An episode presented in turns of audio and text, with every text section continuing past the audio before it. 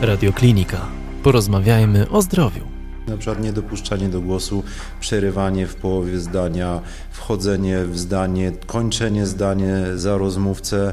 To jest jeden z tych ekwiwalentów nadruchliwości, który jest bardziej widoczny u dorosłych. No, dorośli nauczyli się już, osoby dorosłe z ADHD nauczyły się, że skoro już im tysiąc razy mówiono siedź spokojnie, no to rzeczywiście ta osoba może usiedzieć spoko spokojnie, ale bądź wykonuje jakieś nerwowe ruchy rękami, nogami, obgryza paznokcie, czy w nieprzerwany sposób mówi, tak jak ja teraz, prawda? czy na przykład wpada w stany marzycielskie i w trakcie, po, po wykładzie zdaje sobie sprawę, że, że siedział na wykładzie i słuchał, ale nic z tego nie pamięta, bo myślami był gdzie indziej.